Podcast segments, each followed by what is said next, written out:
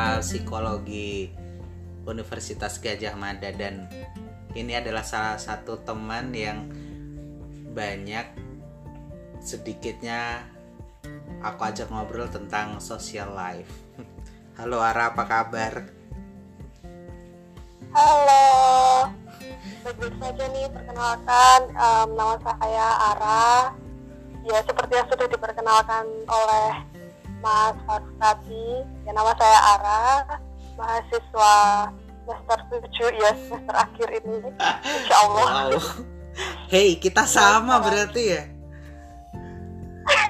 Iya, Masya Allah. Makanya itu, aduh ya Allah. Sumpah kalau sekali. ini mungkin teman-teman kayaknya kalau di podcast suara Ara kurang bagus karena handphoneku sih yang kurang bagus. Cuman kalau ngelihat Eh, kalau ngelihat apa bicara tentang semester tadi aku jadi ngerasa em, wow aku sekecil ini lagi gitu. Karena Ara itu jauh sekali di bawahku. Kayaknya kamu lebih keponakan aku deh. Seriusan? No ya itu mas, aku berasa. aku jadi merasa merasa begitu muda dan ya karena Gak apa-apa, gak apa-apa, gimana gak apa-apa masih muda, gak apa-apa. Kita semua masih muda. Iya enggak? Mungkin kan teman-teman? jadi itu uh, aku kalau sama Ara tuh kebanyakan ngobrolin tentang kayaknya situasi perasaan ya Ra biasanya kalau kita ngobrol tuh. Gimana ya? Istilah kalau istilah psikologinya apa sih?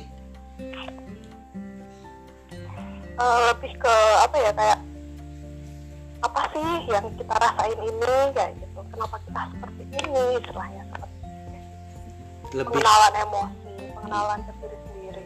iya sih kayak kayak apa sih yang sedang terjadi dalam diri kita gitu ya. Kadang kan eh, kalau aku su- suka banyak ngobrolin sama Ara dan bisa ngobrol panjang sama dia itu kalau aku lagi sedang sedang ih, ih, kenapa lagi sini kayaknya lebih ngobrolin tentang stres. Stres eh, aku nggak nggak tahu pemisahan antara stres stres depresi dan eh, apa ya istilahnya? Perasaan emosional kali ya. Yang kadang aku butuh teman untuk ngobrolin itu nah aku sendiri berusaha untuk mengelolanya gitu. Jadi kadang kan suka suka terganggu kan kalau kita banyak pikiran sampai nggak bisa nggak bisa tidur dan sebagainya. Nah aku ngobrol nih sama sama si si Ara nih buat ngebahas itu dan dia suka bilang wah ternyata ternyata kamu lagi stres loh mas gitu. Dan itu oh gitu ya kadang-kadang suka kaget sendiri dengan dengan perjalanan hidup yang sebenarnya nggak nggak sebentar-sebentar juga gitu kalau kalau kamu gimana? Kalau aku sih sejujurnya ya eh, setelah masuk di psikologi belajar tentang manusia dan segala perasaannya ya kalau kata dosen saya psikologi itu adalah ilmu yang belajar tentang mind, body, and behavior dan itu benar sekali sih karena eh, aku sendiri pun sampai sekarang tuh masih belajar gitu entah memahami diri sendiri, memahami emosi sendiri, juga memahami orang lain. Salah satunya kan eh, dengan cara berkomunikasi, dengan cara kayak eh, diskusi kayak aku sama Mas Faruk ini. Jadi kita kayak saling sharing, eh aku rasanya gini ya, gini gini gini. Makanya kan eh, aku kasih tahu Mas, eh, oh Mas ini eh, tanda-tanda Mas masih stres kayak gitu. Kadang-kadang juga ada temen aku yang apa ya, mereka tuh kayak bingung karena ini tuh genre tuh aduh bahasa Jawa. Maafkan teman-teman yang agak sulit oh bebas. boleh. boleh. Boleh pa- Oke, pakai bahasa oke. apa pun. Nah. Dan boleh boleh bilang jancok juga nggak apa-apa oh. Bebas di sini. Baiklah kalau begitu. Kita berdoa aja mas. Kita berdoa aja ya. Oke. Nggak, jadi jadi maksudku tuh maksudku tuh gini aku aku lebih lebih berusaha bahwa kita harusnya sih menurut menurutku menurut pandanganku tuh kita, kita saat ini banyak banyak teman-teman atau bahkan diri diri kita sendiri itu menampilkan sesuatu yang yang kayaknya kok harus dikemas bagus padahal padahal kita tuh butuh tampil apa adanya gitu loh. Dan kadang itu juga jadi satu masalah tersendiri kan kalau kita ini ini kaitannya dengan emosi sih menurut aku. Jadi kalau kita emosi pengen marah kenapa sih kita nggak boleh marah kalau kita memang pengen memaki dengan bahasa-bahasa yang mungkin terdengar kasar atau terdengar tidak apa ya ter, ya terdengar kasar lah. Tapi kan itu kan ekspresi emosi yang yang perlu kita keluarkan kan kalau dari dari dunia psikologi itu sendiri kalau kalau kita tahan-tahan itu kan justru uh, jadi masalah baru kan sebenarnya atau gimana sih? Iya jadi sebenarnya gini uh, kita itu ada berbagai macam emosi kan yang kita rasakan. Nah, kemudian dipisahkan menjadi uh, beberapa jenis. Nah, salah satunya adalah emosi yang positif dan emosi yang negatif. Nah, emosi yang positif itu ketika kita merasa contohnya adalah kebahagiaan itu sendiri dan sebagainya. Kemudian uh, jadi emosi positif itu yang membuat kita nyaman. Nah, kalau emosi yang negatif itu ketika kita merasakan emosi yang itu rasanya membuat kita nggak nyaman apa ya bahasa Indonesia nya annoying uh, mengganggu gitu. Nah itu emosi negatif. Nah salah satunya adalah perasaan marah itu sendiri. Nah jadi perlu kita ketahui teman-teman sekalian ya emosi itu macam-macam ya. Jadi bukan emosi yang kalau orang awam kan taunya uh, emosi adalah marah, marah gitu loh. Iya, rasa marah, marah. Terus jadi uh, emosi itu tuh macam-macam ya rasa senang rasa bahagia itu sendiri sedih marah. Itu tuh emosi namanya nah uh, emosi negatif ya itu tadi perasaan marah kalau tadi pertanyaan mas. Uh, emang nggak boleh ya mengungkapkan emosi yang istilahnya? Kalau misalnya kita marah mengungkap itu nggak boleh ya. Ini nggak boleh ya dan sebagainya nggak boleh ya. Nah kembali lagi. Marah perasaan marah emosi marah emosi uh, yang negatif seperti itu tuh memang uh, akan berefek apa ya tidak baik juga ke orang yang kita istilahnya semprotin emosi itu gitu loh. Jadi ketika kita merasa marah merasa uh, tidak nyaman dengan perasaan kita ingin uh, meluap-luapkan itu dan kita uh, menyampaikan itu dengan misalnya mengumpat lah berkata kasar lah dan lain sebagainya ke orang lain orang lain itu juga akan berdampak uh, apa ya perasaan emosi negatif itu. Nah, kok aku hmm. diumpatin sih aku gini sih? Uh, aku gini sih? Kayak gitu loh. Malah jadi jadi negatif nah. Hmm, boleh. Jadi aku potong sebentar ya. Jadi kalau kita bahas tentang emosi marah ini nih. Oh, silakan. Nah, jadi kalau kita kita tenang ber, membahas tentang emosi marah dan ketika kita harus meluapkannya itu sebenarnya uh, kalau diluapkan itu bagus buat diri kita sendiri cuman efeknya itu yang perlu kita pikir, pikirkan itu bukan hanya buat diri kita sendiri kan yang pasti benernya gitu. Jadi kita juga harus memikirkan tentang kondisi orang lain gitu. Tentang efek ketika kita marah dan berusaha mengekspresikan. Bener gitu kan ya? Ya, ya dan ya. dan uh, aku menyimpulkan bahwa ketika kita berusaha untuk mengekspresikan uh, kemarahan tadi kita perlu tahu bahwa uh, efeknya. Kita perlu tahu efeknya bahwa ketika kita mengekspresikan itu apakah akan berdampak serius pada orang lain ataukah hanya berusaha kita melepaskan emosi saja. Dan bagusnya kelihatannya itu memang pertama pertama sekali kita harus menyadari bahwa kita sedang marah. Begitu ya? Mm, jadi uh, sebelum kita melepas emosi itu kadang kan kita kan nggak ngerti kan tiba-tiba aja aduh aku kok rasanya gini aku pengen uh pengen uh gemes sampai pengen uh kayak gitu kan rasanya. Nah hmm. jadi sebelum kita istilahnya tanda kutip lepas kendali karena kita harus kenali emosi kita setelah mendapatkan suatu peristiwa kita kan pasti akan merasakan suatu emosi kan entah itu uh, dari peristiwa yang menyenangkan pasti kan akan memicu emosi positif. Tapi ketika peristiwa yang tidak menyenangkan kemungkinan besar akan memicu emosi negatif. Nah dari situ kita harus menilai apa yang kita rasakan. Kita harus mengetahui apa yang kita rasakan. Misalnya perasaan tidak nyaman. Oh ini tuh sebenarnya apa yang aku rasain sih? Oh marahkah uh, atau istilahnya iri kah? Atau dan lain sebagainya kah? Gitu. Jadi kita harus mulai tahu emosi kita. Habis itu uh, biasanya kalau marah aku uh, akan melakukan apa ya gitu. Jadi kita perlu mengetahui apa perilaku kita kebiasaan kita ketika kita mendapatkan emosi itu. Nah habis itu kita harus belajar tahan diri. Jangan jangan ngumpat aduh sabar sabar tarik nafas buang nafas. Namaste. Namaste gitu. Itu memang harus diingat sih. Jangan jangan jangan kelepasan. Hmm. karena kalau yang aku pelajari uh, mas tahu ripple effect gak? apa tuh? Nggak tahu effect. deh jadi R I P P L E itu kayak uh, mas uh, netesin setetes air ke air sih hmm. itu kan kayak apa ya? Ada gelombang. Menyebar kan tetesan air itu. Hmm oh oh nah jadi misalnya aku marah nih hmm. aku kesel nih dimarahin dosen nih kapan proposal skripsi aku selesai ya gitu kan istilahnya hmm, hmm.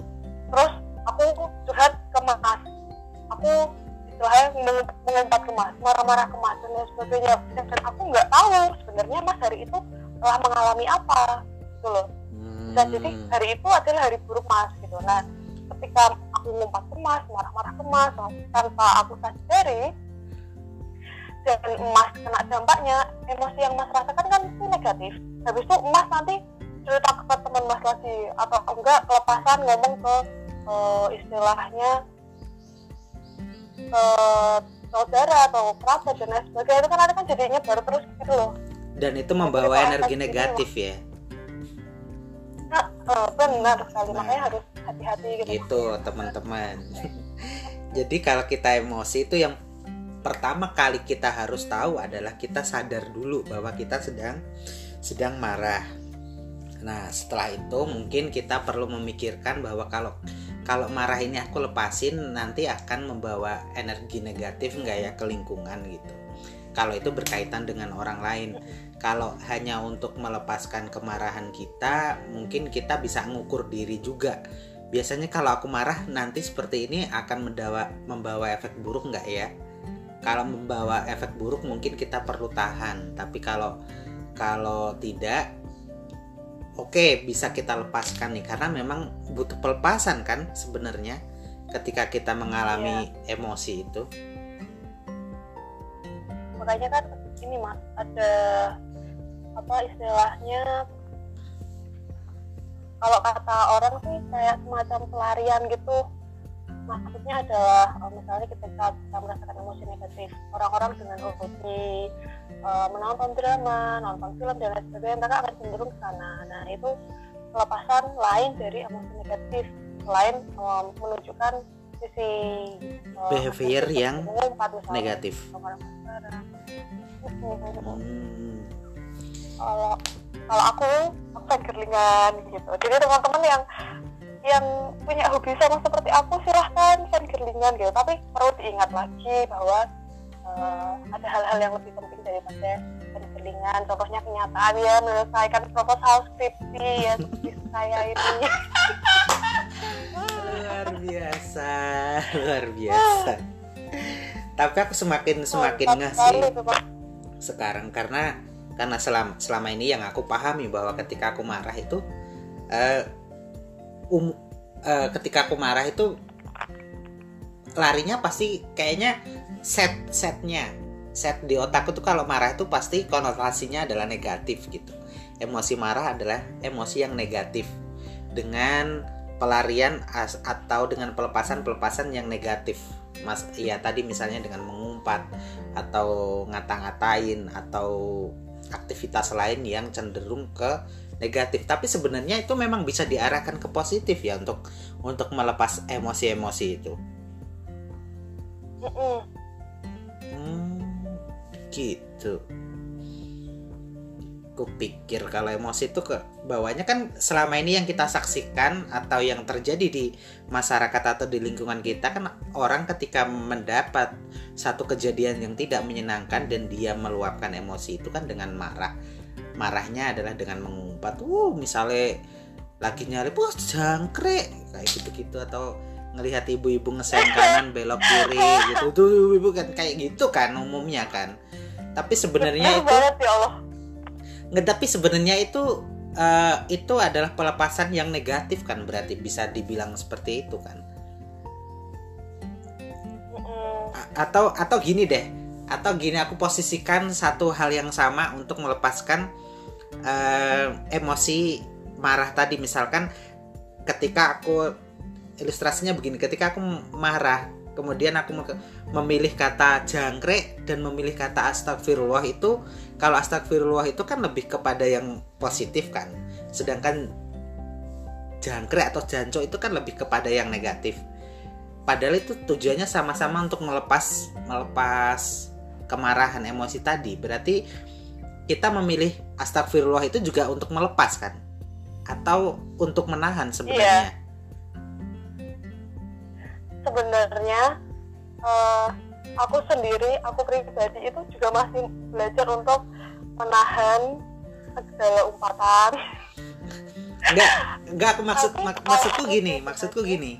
Jadi ketika aku memilih kata jangkrik atau memilih uh. memilih astagfirullah itu sebenarnya sama-sama melepas atau atau ketika aku memilih astagfirullah itu menahan?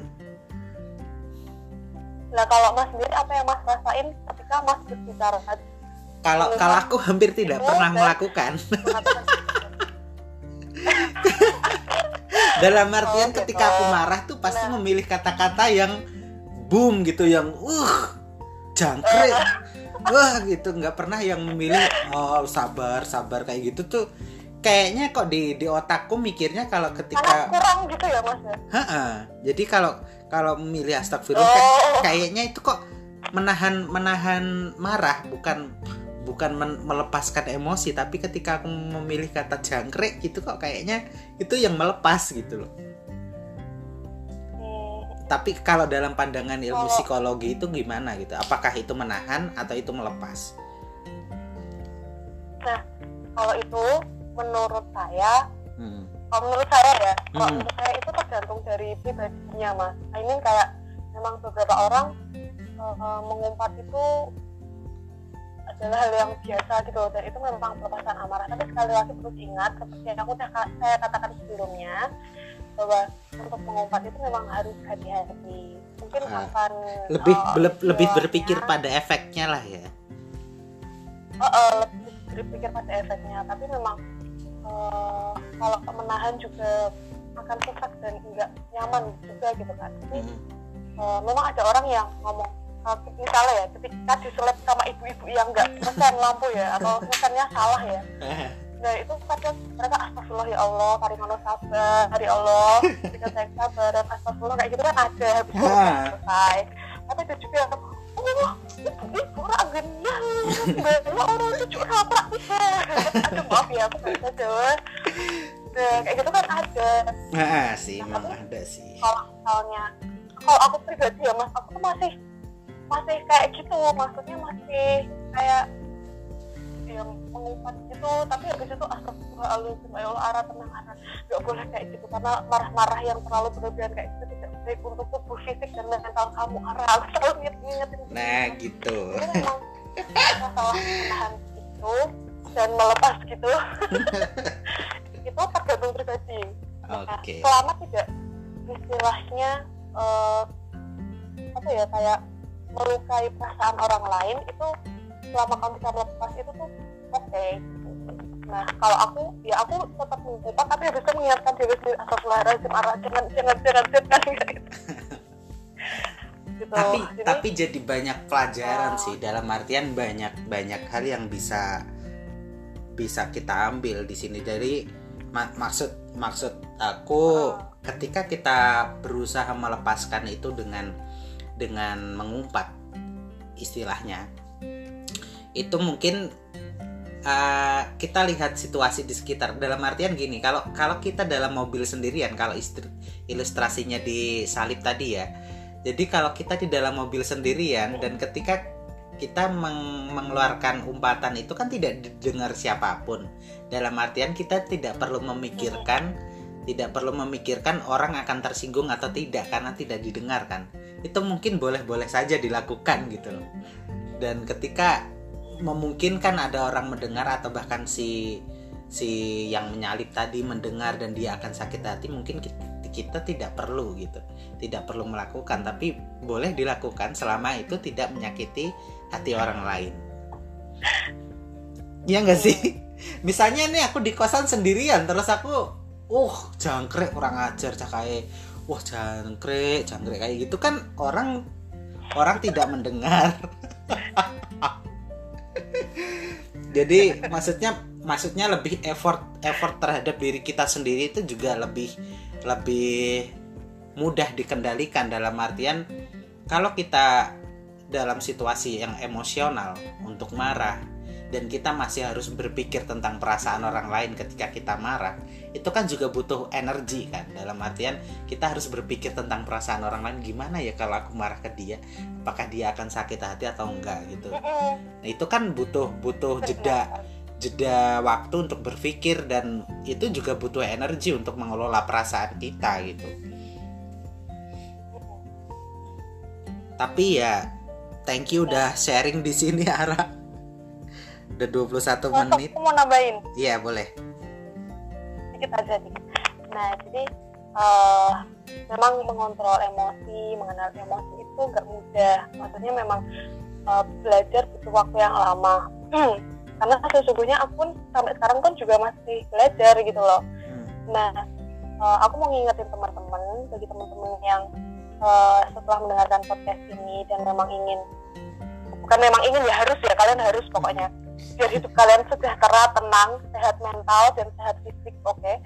Nah, kalian belajarlah mengelola emosi kalian, kenali emosi kalian, dan perlu kalian ingat, ini memang susah.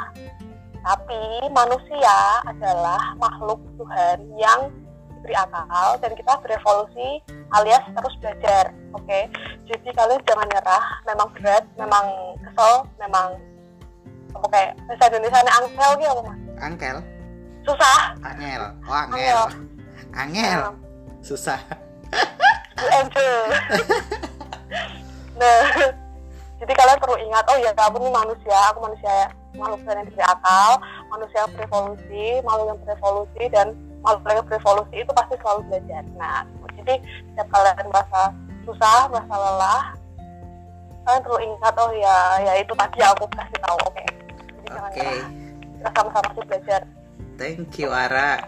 Waktunya udah ganggu.